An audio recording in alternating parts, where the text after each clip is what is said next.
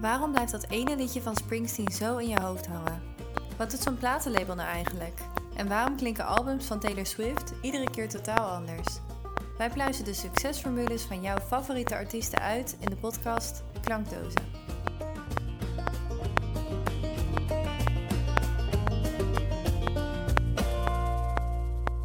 Hey Lot, Hoi. hoe is het met jou? Goed met jou? Ja, bij mij, eh, bij mij goed. Dus, Ja. We hebben weer lekker zonnig weer, dus ik ben helemaal in mijn element. Eindelijk. Ik ben helemaal blij en ik ben ook blij dat we vandaag weer een lekker nieuwe podcast gaan opnemen. Ja, zeker. Ik ben heel benieuwd wat je weer eh, gaat vertellen. Want over wie hebben wij het in deze podcast? Over Mr. Ed Sheeran. Ed Sheeran. Ja. Het is toch wel leuk dat eh, Ed en Taylor Swift, onze vorige artiest van de andere episodes, dat zij best wel goede vrienden zijn met elkaar eigenlijk. Ja, hè? Ja. Dus een soort logisch vervolg eigenlijk. Ja, eigenlijk wel. Ja, en ook wel een beetje een vergelijkbare fanbase, denk ik, ergens, toch? Nou, dat weet ik niet helemaal. Want Ed heeft natuurlijk ook wel veel hip-hop en een beetje rap erin zitten. Ja. En dat heeft Taylor niet. Ja, die is iets meer poppy country, terwijl Ed wat meer folk Ja, pop is. ja Maar ik denk dat ook. we daar heel veel over gaan horen Daar in de gaan we zeker veel over horen. Ja. Ik eh, heb weer het een en ander voorbereid. In deze aflevering gaan we het hebben over zijn bio. Dus waar komt hij vandaan? Wat heeft hij gedaan? Een beetje globaal eh, zijn carrière. Dus we gaan nog niet te veel. Nou, misschien een klein beetje in-depth op bepaalde dingen. Ja. Ehm, maar eh, in de volgende episodes gaan we het verder hebben over zijn songwriting, over zijn marketing, over zijn productie En over copyright. en over copyright. ja, misschien even goed om, eh, om te weten is dat het een van de vier afleveringen weer is met Sheeran. Net zoals we bij Taylor Swift hebben gedaan. Zeker. Dus ja, blijf vooral hangen voor alle afleveringen die de komende weken eruit komen. Goed, de introductie, de bio van Ed Sheeran. We gaan het in deze aflevering hebben over wat zijn achtergrond is, hoe hij is begonnen als artiest, een klein beetje over zijn albums en ehm, over wat hij verder nog meer qua speciale projecten gedaan heeft. Over wie hebben we het dan? We hebben het over Edward Christopher Sheeran. Hij is een Britse singer-songwriter en tussen 2004 en 2010 bracht hij verschillende EP's uit. Dus hij is echt al best wel een, eh, een hele tijd bezig. Hij was nog heel jong. En in 2011 tekende hij een contract bij uh, Atlantic Records. Ik hoop dat ik dat goed uitspreek. Eh, in 2011 brak hij door met zijn debuutsingle The A-Team. Ontving hij hiervoor meerdere awards en scoorde daarna ook grote hits. Onder andere Thinking Out Loud, Shape of You, Galway Girl, Perfect, I Don't Care en Bad Habits. En nu natuurlijk ook Eyes Closed van zijn nieuwe album Substract. Ik ben wel even benieuwd. Ik heb het vorige keer ook al gevraagd toen met Taylor Swift. Maar wat was jouw eerste aanraking met Ed Sheeran? Wanneer heb jij hem voor het eerst gehoord? Bij hem was het echt wel vanaf het begin. Ik denk de A-team. ehm, ja, ik denk dat wij toen rond de 14, 15 jaar oud waren, misschien 16. En ik weet nog wel eh, dat wij heel veel met die muziek van Sharon bezig waren met dat eerste album Plus. Dat dat wel echt het dingetje was ook waardoor ik heel erg in aanraking ben gekomen met de singer-songwriter stijl die hij heeft. Dus dat is ook de periode dat ik gitaar ben gaan spelen. Dus dan was natuurlijk de eerste liedjes die je gaat spelen zijn heel veel van Ed Sheeran. Omdat hij juist wat simpelere akkoorden gebruikt waar je Ja. gebruik van kan maken. Dus eigenlijk bij hem veel meer begin dan bij Taylor Swift. Maar ik heb ook het idee dat Taylor Swift al wat langer bezig is. Ja, zij is zeker al langer bezig. En ehm, die A-Team was ook een van zijn eerste hits. En dat was voor mij ook mijn eerste aanknopingspunt eh, met Ed Sheeran. En eigenlijk precies zoals met jou. ehm, ik ben ook dat als een van de eerste liedjes gaan spelen op mijn gitaar. Mhm. Dan kwam de kat, die kwam ook even voorbij. Die kwam ook even even. hallo zeggen. Ehm, maar ja, zijn liedjes zijn redelijk, nou eenvoudig wil ik het niet noemen, maar wel lekker om op gitaar te spelen. Zeker Ja. die A-Team. Ja. Ik vond het ook echt een prachtig liedje. Ja, heel mooi. Met een hele diepe betekenis natuurlijk. Ja. Nou ja, Ed werd op 17 februari 1991 geboren in het plaatsje Halifax, dichtbij Leeds in Engeland. Hij is zoon van John en Imogen Sheeran en zijn ouders zijn opmerkelijke en succesvolle figuren in de kunstwereld. Vroeger deden ze echt van die exposities en zo en leidden ze dat heel erg. En zijn moeder ging ook werken als publicist in de cultuursector. En eh, tegelijkertijd ook sieradenontwerpster. Dus die creativiteit en de kunstzinnigheid heeft altijd al in de, in de familie gezeten. En misschien ook wel dat ze kunnen doen wat ze willen. Omdat kunsthandelaar of sieraden maken natuurlijk niet een standaard beroep is. Dat ze toch wel misschien die vrijheid hebben gekregen in het gezin om te volgen wat je, wat je echt graag wil. Want normaal gezien zouden ouders toch klassiek iets zeggen van... Oh ja, probeer het maar niet, want het is heel moeilijk om daar werk in te vinden. Wat ook wel waar is. Maar ja, Klopt, ja. Nee, dat is ook zo. En, en ik zag ook overal op internet was ook te lezen ehm, dat het bij hun vooral gewoon ging om de kunst. En niet zozeer om dan keihard geld te verdienen. Maar ze wilden gewoon graag doen waar ze het meest blij van werden. En, en dat is ook terug te zien. En zijn vader die uh, bleef altijd al de rol als uh, kunstconservator uh, houden. En het paar werkte in 1990 samen om een kunstadviesbureau genaamd Sharon Lock te lanceren. Om een achtergrond in de kunst verder uit te breiden. Mm -hmm. Dus ik vond het leuk om te lezen dat die creativiteit al flink in de familie zat bij Ed. Zit muziek en creativiteit erg bij jou? Ja, ik weet het eigenlijk stiekem al een beetje. maar ik vind het misschien is het leuk voor de mensen die nu luisteren. Zit het bij jou in de familie? Ja, vooral vanaf mijn vaders kant uh, is muziek altijd een soort van verbindende factor geweest in de familie. Dus dat sowieso. Um, mijn vader is echt, kan je wel zeggen, geobsedeerd door, uh, door muziek. Uh, dus altijd al, al fluit gespeeld en van allerlei blaasinstrumenten nu. Ik had toevallig gisteren met mijn vriend over, was het altijd op, op zondagochtend kom je naar beneden en dan draaide er muziek die je niet kende, waar je dan mee in aanraking komt. Dus dat wordt altijd zo doorgezet. Um, en mijn moeders kant trouwens ook wel hoor, maar minder dan, uh, dan daar inderdaad. Dus het wordt wel heel erg meegegeven in vrijheid en gewoon oké, okay, pushen. Mijn ouders hebben mij ook op negen jaar oud al op pianoles gezet van nou zoek het maar uit. Ja. Kijk maar of het wat is. Dus dat is wel heel tof. Gewoon heel snel al, uh, al daar toegang tot geven. Ja, tof. Jou? Ja, ook heel erg. En ik moet zeggen, denk ik, uh, sowieso in beide families, bij mij zowel mijn moeders kant als mijn vaders kant. Uh, de vader van mijn vader zat in een band, speelde gitaar. En al zijn broers uh, speelden, waren ook muzikaal. En de moeder van mijn moeder, die speelde weer banjo. En was ook altijd wel muziek. Tijdens verjaardagen gingen ze met elkaar zingen en zo. En dus de muziek heeft er altijd wel gezeten. En mijn pa die heeft dan ook negen jaar lang op orgelles gezeten. Dus die, en die kan ook wel een beetje zingen, maar doet er verder niet zoveel mee. En mm. mijn moeder is dan weer meer creatief in uh, dingen, dingen maken, dingen knutselen. Daar is zij weer heel creatief in. Dus ja. zowel de muzikaliteit als de creativiteit uh, ja. zitten zeker ook bij mij in de familie. Ja, ja, ik had daar niet eens over nagedacht. Inderdaad, maar mijn oma is ook kunstenares. Ja, nee, natuurlijk. Ja, daar heb je een heel mooi schilderij van hangen beneden. Ja, we hadden het er net over, inderdaad. Nee, nee, dat klopt inderdaad. Dus de creativiteit, ja, dat is wel interessant. Want de creativiteit uiteindelijk kan vorm nemen in, in wat het ook is, hè, hoe het mm -hmm. ook zich uit. Dus inderdaad, de ene persoon die doet dat meer in de kunst of in sieraden maken of in orgel spelen of whatever. En de ander in, in songwriten. En, en dat is wel tof inderdaad om dat door te laten zijpelen. Ja, zeker. Dan nu, zijn lange weg naar succes. Uh, een van de dingen die ik heel tof vind aan Ed Sheeran is dat hij echt de hard way zijn succes behaald heeft. Hij is al heel jong begonnen. Hoewel hij misschien nu heel veel geld verdient en zo, was dat vroeger echt niet zo. Um, want hij is op zijn zestiende verhuisd naar Londen om, uh, om muziek te gaan maken. Hij had niet meteen succes, want hij speelde een paar kleine gigs hier en daar in Londen. Maar dat was nooit genoeg om een kamer te kunnen betalen of wat dan ook. Dus in een interview uh, vertelde hij ook, en ook in zijn boek A Visual Journey uh, van toen de tijd het album Multiply, daar heeft hij ook een boek bij uitgebracht. Um, daarin vertelt hij dus ook dat hij sommige nachten gewoon buiten geslapen heeft. Daar van die onder een brug bij van die warmtebuizen. Dat hij daar soms wel eens de nacht heeft doorgebracht. Omdat hij op dat moment dan gewoon geen geld had. Of nou, niet zozeer dat hij nou echt dakloos was. Maar dan op dat moment geen plek om te slapen. Dus soms sliep hij ook bij zijn, uh, zijn neef. En bij verschillende andere mensen sliep hij dan wel eens. Maar soms dan kon dat niet. Dus dan sliep hij buiten. Um, en daar heeft hij ook een nummer over uitgebracht van het album Loose Change. En dat heet ook Homeless. En mm. daar zingt hij iets van... It's not a homeless life for me. I'm just homeless than I'd like to be. I'm just more homeless than I'd like to be. Dus ja. hij zag het ook niet als dat hij dakloos was. Maar ja, het is echt de die hard music way. Gewoon. Diep gaan, hè? Ja. Gewoon alles ja. laten vallen om dit te kunnen gaan doen. En dan had ik nog ook een vraag jou. Want zou jij zoiets gedaan hebben om echt je droom achterna te jagen? Dat je zo keihard, net zoals hij, dat leven zou doen, zeg maar? Ik denk niet, eerlijk gezegd. ja, ik zou willen dat ik zo was, maar het is echt wel, wel heel intens. En mm -hmm. je moet echt wel heel diep door het gaatje gaan en heel zeker weten. En ik ben misschien iets meer een twijfelkont, om dan echt te weten, want dat was wa waarom hij dat gedaan heeft. Hè. Het is natuurlijk gewoon 100% zeker weten, dit is wat ik wil doen. En daar alles voor laten vallen en gewoon echt liever geen geld of geen niks hebben, omdat...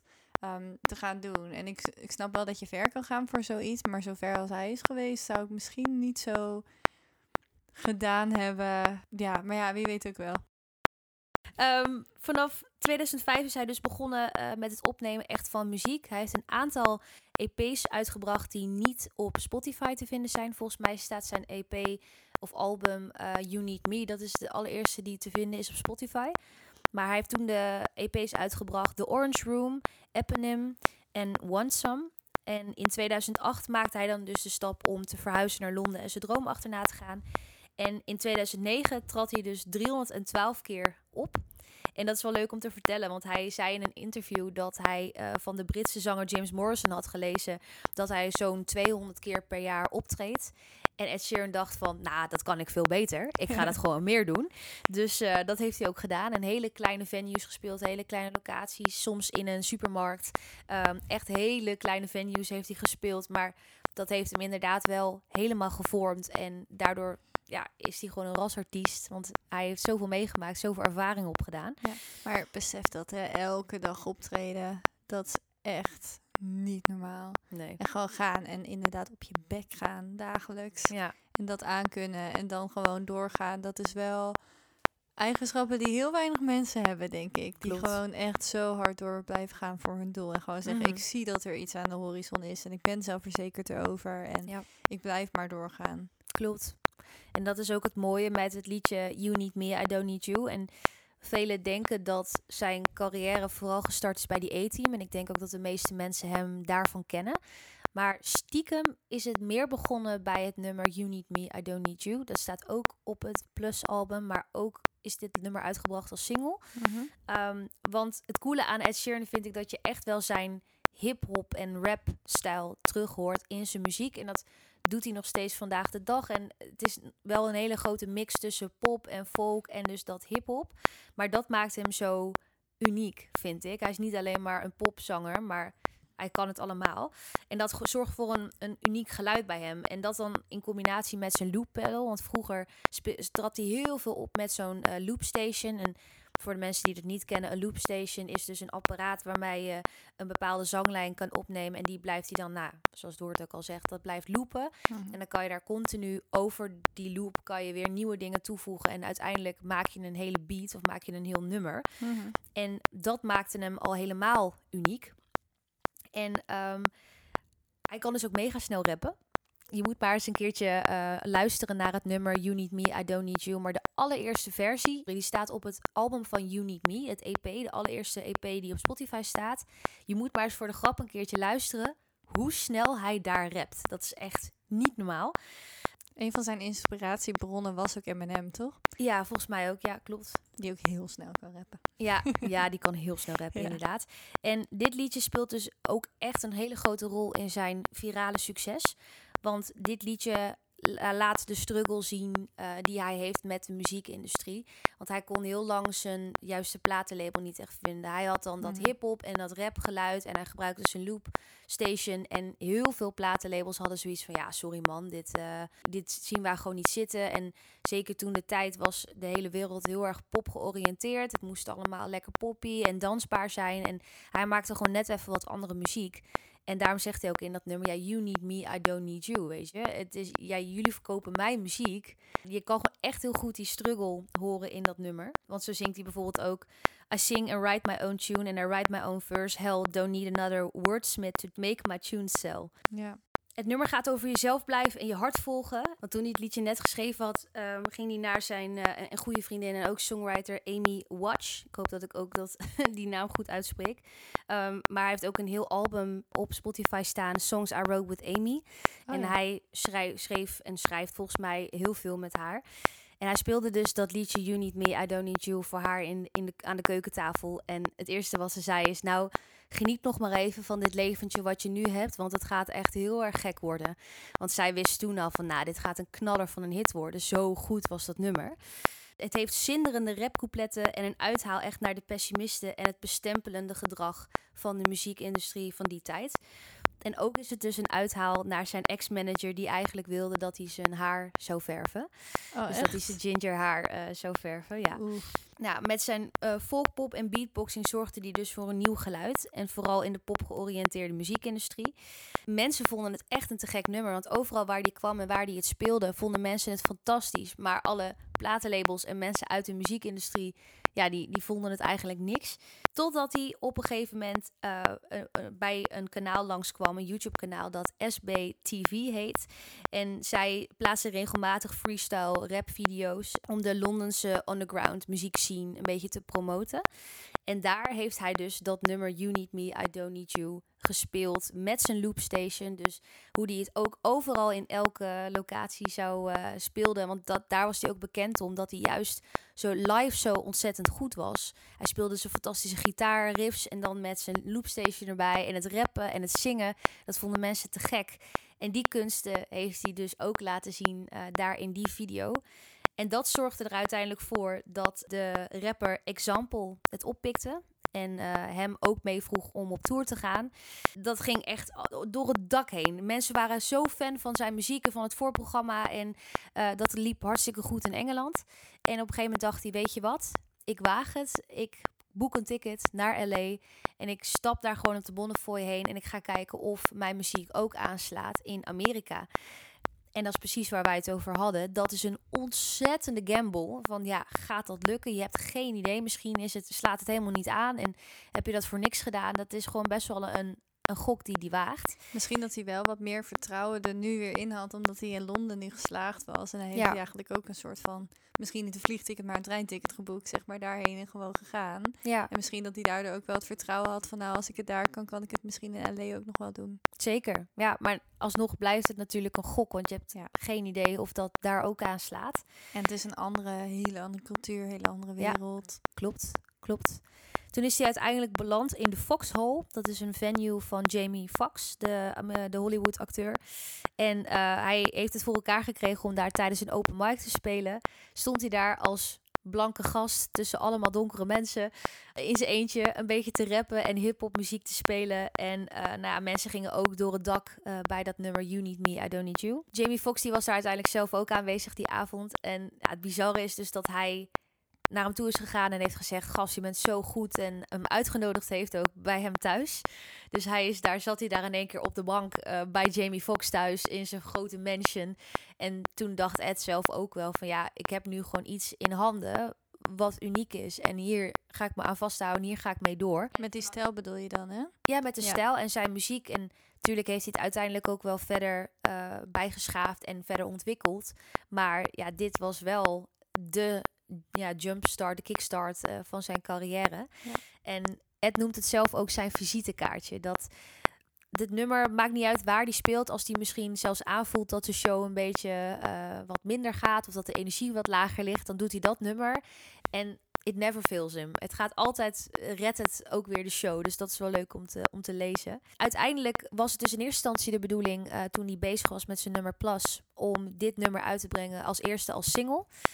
Maar hij had ook die A-team toen de tijd. En dat heeft hij ook al, had hij ook al een paar hier en daar een beetje gespeeld. En ja, ze merkte wel dat, dat daar dat dat ook begon op te blazen. Dus hebben ze uiteindelijk ervoor gekozen om die A-team als eerste debuutsingle uit te brengen. Mm -hmm. En daarna uiteindelijk ook nog You Need Me, I Don't Need You. En ze hebben best wel een tijd gezocht hoe ze nou het beste dat nummer uh, eruit konden laten komen. Omdat hij natuurlijk altijd het had gespeeld met zijn loopstation.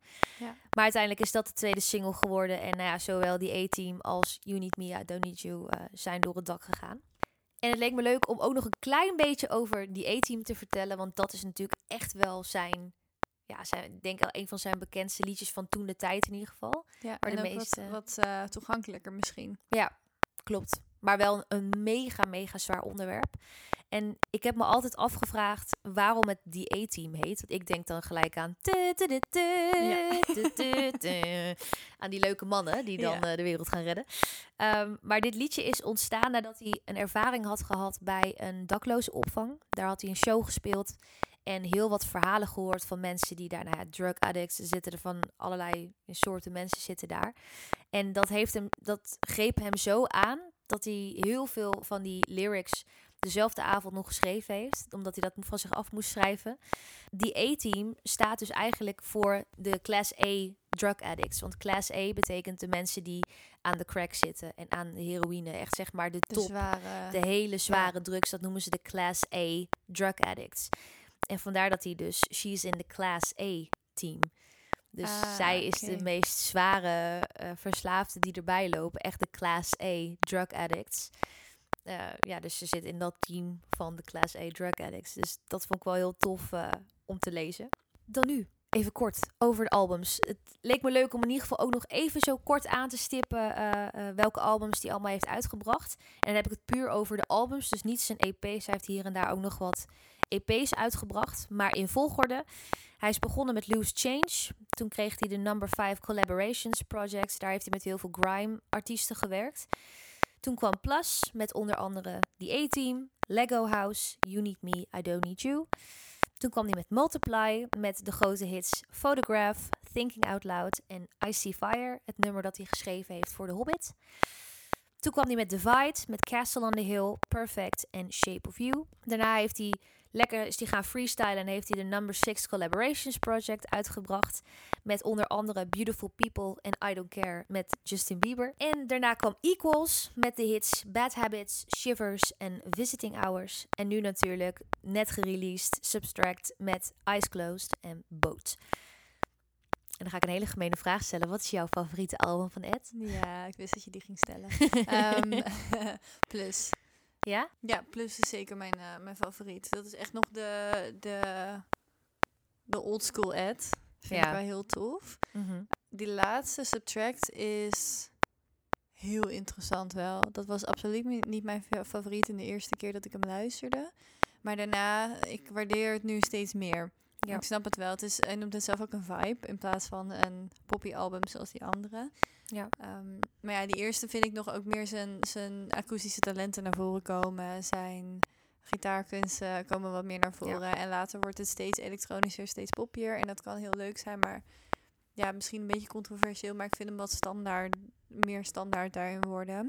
Ja. Wat meer zijn sound eigenlijk verliezen, wat wel zonde is. En daarom vind ik het wel Ja. tof dat hij nu juist weer een wat akoestischer album heeft uitgebracht. Wat het juist weer wat meer naar voren brengt. Wat voor songwriter hij eigenlijk is. Ja, dat zei hij ook in, zijn, eh, in dat ene interview. Hij heeft een interview gedaan met Apple Music over dit eh, album, dit nieuwe album. En we gaan er straks nog iets verder op in bij de songwriting. Maar dit was ook wel zijn meest persoonlijke en, en meest vulnerable album. Omdat hij echt heel veel shit heeft meegemaakt de afgelopen tijd. Ehm, en dit is wel waar zijn fans hem voor kennen. De kleine singer-songwriter nummers met zijn gitaar dat is waar hij gewoon onbekend staat. En dan met de hip-hop en de rap invloeden, dat is zijn sound. En daarom vind ik het wel, ik vind het wel een heel zwaar album, moet ik zeggen. Het is echt heel zwaar. Ja. Ehm, maar wel laat hij zo'n mooie gelaagdheid zien van wie hij is en wat hij kan.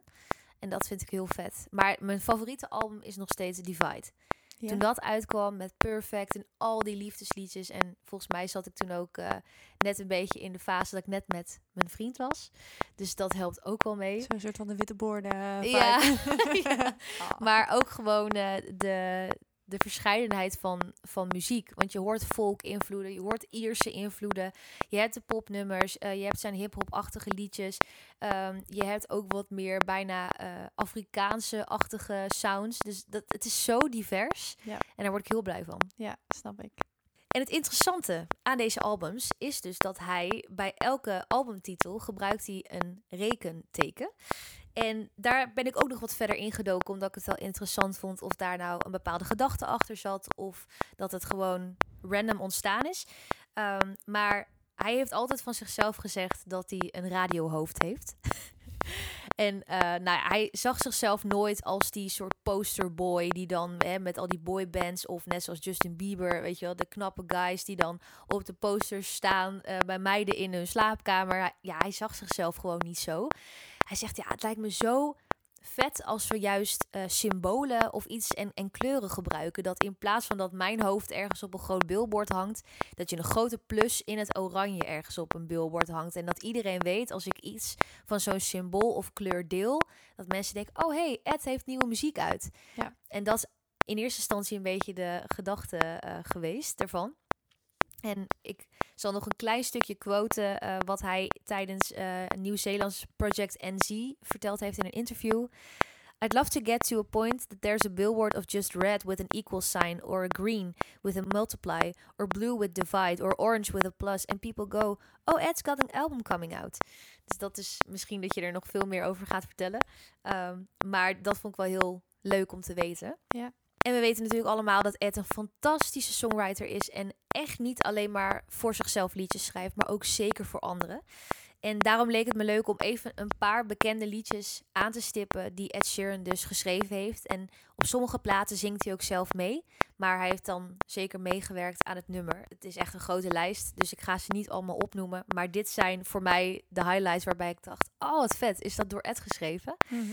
Dat is 18 van One Direction, 2002 van Anne-Marie, Bam Bam van Camila Cabello, Cold Water van Major Lazer en Justin Bieber, Dark Times van The Weeknd, East Side van Benny Blanco en Halsey en Khalid, The Feeling van Justin Bieber, Little Things van One Direction, Love Yourself van Justin Bieber, Make It Right van BTS, Make Me Better James Blunt, Parallel Line van Keith Urban, is ook een van mijn favorieten, Pointless van Lewis Capaldi, een van zijn nieuwe nummers. Pretty Woman van Robbie Williams. River van Eminem.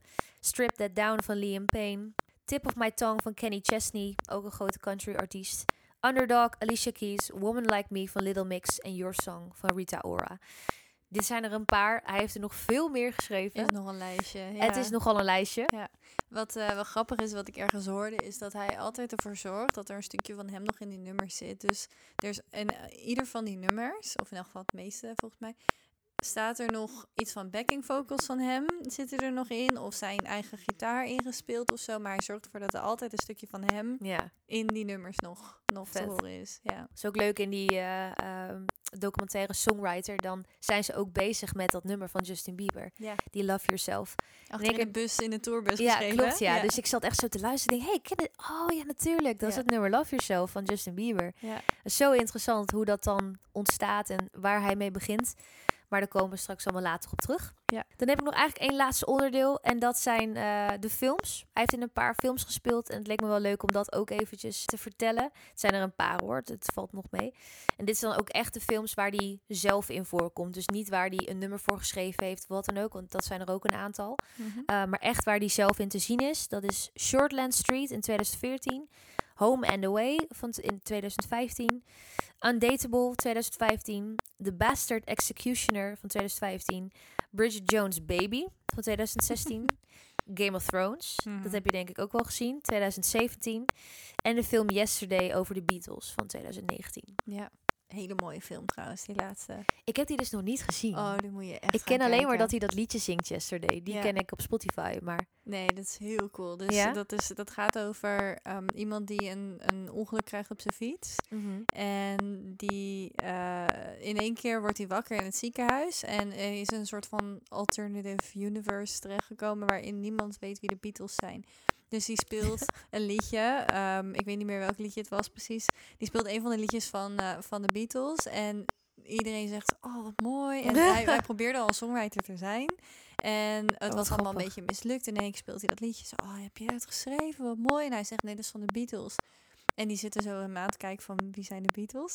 En zo wordt hij heel groot in één keer door middel van muziek van de Beatles. En Oh, iedereen- niemand kent hem. Het is echt een heel mooie film. Oh. En die muziek komt heel erg terug. Dus als je van de Beatles muziek houdt, is het echt een hele leuke om de, te kijken. Nice, die ga ik zeker aan mijn lijst toevoegen. Ga ik zeker even doen. Ja, ja en Ed Sheeran zit er dus bij. Dus Ja, alles ja, in één. Dat is ook superleuk.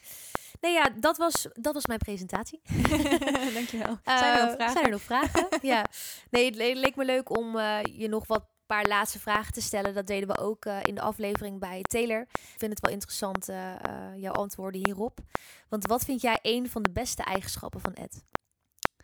Nou, toch wel dat doorzettingsvermogen. Ja, is misschien heel basic. Maar ik denk wel dat dat iemand die inderdaad, ja, wat je al zei, zijn looks heeft. Hij heeft het niet per se heel erg mee zitten, maar gewoon zegt, ik ga. En was heel zelfverzekerd eigenlijk. Vertelde hij ook in zo'n interview dat hij pas, ehm zeg maar, self-conscious werd nadat hij groot was geworden. Dus toen in één keer begonnen er onzekerheden naar boven te komen, omdat al die tabloids en zo, die zeiden van alles over hem. Ja. Maar in het begin was hij eigenlijk gewoon zo zelfverzekerd en ging gewoon. Ja. En het is een beetje bovenmenselijk bijna hoe, hoe iemand zoiets kan volhouden en gewoon kan gaan. En het is hem echt niet aankomen waaien. En die heeft gewoon keihard gewerkt tot het punt dat hij het wel bereikt heeft. En zit nu op, dat, eh, op zo'n niveau en wil nog altijd verder. En dat is wel heel bewonderenswaardig. Ja, dat vind ik ook. Ja. Ik denk ook dat, dat is denk ik bij alle grote artiesten, zowel Taylor Swift als nou, hè, alle grote mensen op de wereld.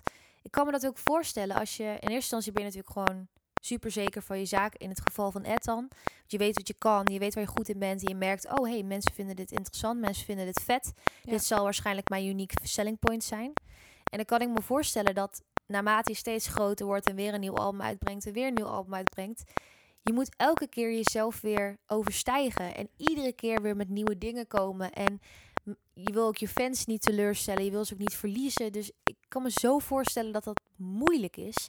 Ja. En dat vind ik bij Ed ook, maar bijvoorbeeld ook bij Taylor Swift. Ja, die zijn zich elke keer weer opnieuw aan het uitvinden, waardoor het interessant blijft. Je moet wel. Ik Ja. denk dat je ook echt wel geforceerd wordt. Mensen vinden Ja. heel veel van je. Ja, En als het, als het weer hetzelfde is, vinden mensen er wat van. Als het nieuw is, vinden mensen er wat van. Ja. Het, is, het, het kan eigenlijk bijna nooit helemaal goed zijn. En iedereen heeft er altijd een mening over. En je Ja. moet toch wel een beetje een deel bij jezelf blijven. Maar aan de andere kant, je moet ook geld verdienen. En je Ja. moet het ook weer verkopen. En je hebt vaak ook nog een label erboven zitten die dan van alles vinden. En die dan jou heel erg gaan sturen ergens in. Dus het is echt een mensen zijn afhankelijk balans. van je. Welke gaven zou je van hem willen hebben? Ik denk dat deze wel redelijk voor de hand liggend is, maar... Ehm, ja, tuurlijk. Maar ik denk, nou ja, misschien ook wel dat zelfverzekerdheid eigenlijk. Om even iets anders eh, te kiezen dan een gitaarspel. Want dat, was, dat is echt heel nice. Ja, of songwriting. Of songwriting sowieso. Ehm, maar ik denk misschien zijn zelfverzekerdheid, daar zou ik wel wat mee kunnen. Ja, maar dat heb jij toch ook, Lot? Nou ja, maar op dat niveau, dat je zo hard gedreven bent en gewoon zegt echt screw everything. Ik ga er gewoon volledig voor en gewoon volledig er diep in duiken. Tuurlijk, ook in zekere mate, maar, maar ehm, zijn niveau is echt wel heel anders, denk ik. En gewoon echt overal scheid aan hebben. En dat heb ik niet. Nou, en toch vraag ik het me af of hij dat heeft. Misschien nu, de laatste tijd, dat hij meer scheid heeft. Maar Ja, in zijn interviews, zeg maar vooral die ene dan van, met Apple Music, kwam ook echt wel naar voren dat... Hij vertelde dan bijvoorbeeld over zijn albums als Divide of als Equals. Hij had altijd een liedje, zo'n dancey nummer, waar hij altijd op kon terugvallen. Dus bijvoorbeeld Ja. Shape of You. Hij zegt, ja, dat is echt niet een hoog staaltje songwriting werk. Het is Nee. gewoon carefree, de glitter gel pen, zoals we het met eh, Taylor Swift eh, erover hadden. ja. Dat is gewoon lekker schrijven, niet te serieus nemen. En dat heb je ook zo gedaan, omdat je het niet te serieus neemt. En Ja. hij zei dat hij dan altijd dat soort nummers had waar hij op kon terugvallen, omdat iedereen dat wel leuk vindt, dat Ja. soort liedjes. Ja, inderdaad. Maar ik denk juist dat dat dus inderdaad later erbij is gekomen. Dat hij wat meer omgeeft. En da- later ook inderdaad die commerciële drive heeft gehad. Want in het begin had hij geen label. Dus je moet wel. En dan Ja. moet je dus gaan. En dan moet je dus als 16-jarige in de supermarkt staan spelen.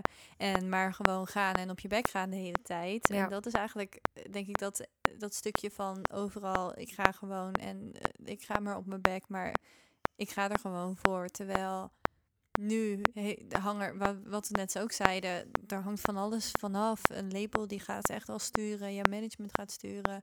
Inderdaad, je moet je gezin onderhouden. Nu denk Yep. ik niet dat hij daar heel veel problemen mee zal hebben, maar Nee. ik denk dat hij qua geld eh, niet zoveel dat problemen dat zal allemaal wel hebben. nee. meevalt. Maar ja, toch. Je hebt eh, dingen waar wat van afhangt en je bent ook gewend aan bepaalde dingen. Dus En dan als laatste vraag, en dit keer kan je niet zeggen samen met katten, maar als je een dag in zijn leven zou meelopen, wat voor dag zou dat dan zijn? ja, jammer dat die kat, dat hij geen kat heeft, hè? Of dat hij daar nog van, we weten het niet. Misschien nee, misschien wel. heeft hij katten. Ja, wel. nobody knows. Ehm, nee, inderdaad geen katten dit keer. Ik zou misschien wel zo'n studiodag wel weer... Ja, daar had ik het vorige keer eigenlijk ook over met Taylor Swift.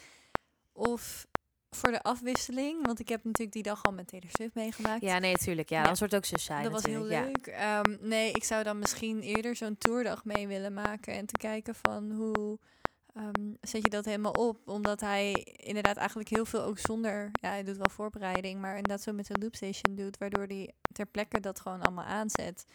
Misschien zelfs de geluidssetup. Ja, ik ben misschien al een beetje een muzieknerd daarin. Maar dat vind ik wel interessant. van de geluidssetup. Hoe ze dat van tevoren eigenlijk allemaal klaarzetten. Is ook wel interessant. Zeker, zeker. Ja, en jij? Ja, ja, dan val ik wel weer in herhaling, maar toch wel gewoon eh, een dagje met hem eh songwriten. Ja. Hoe hij dat doet, hoe hij het aanpakt, hoe hij een nummer opbouwt, vind ik echt gek. Ja, snap ik. Nou Lot, dat was hem. Dat was mijn presentatie. Ehm, dit was aflevering 1 over zijn biografie over Ed Sheeran. In de Ja. volgende aflevering gaan we het hebben over zijn songwriting technieken, over zijn tips, hoe hij een nummer opbouwt, zijn melodieën, zijn lyrics, alles, all the good stuff. Ik ben heel benieuwd. Dus blijf Kijk lekker hangen. uit. Tot de volgende aflevering. Ja, bye. Vond je dit nou een leuke podcast? Je kunt ons steunen door te volgen op social media en Petje Af. Laat ons vooral weten welke artiesten we hierna moeten uitpluizen. Tot de volgende!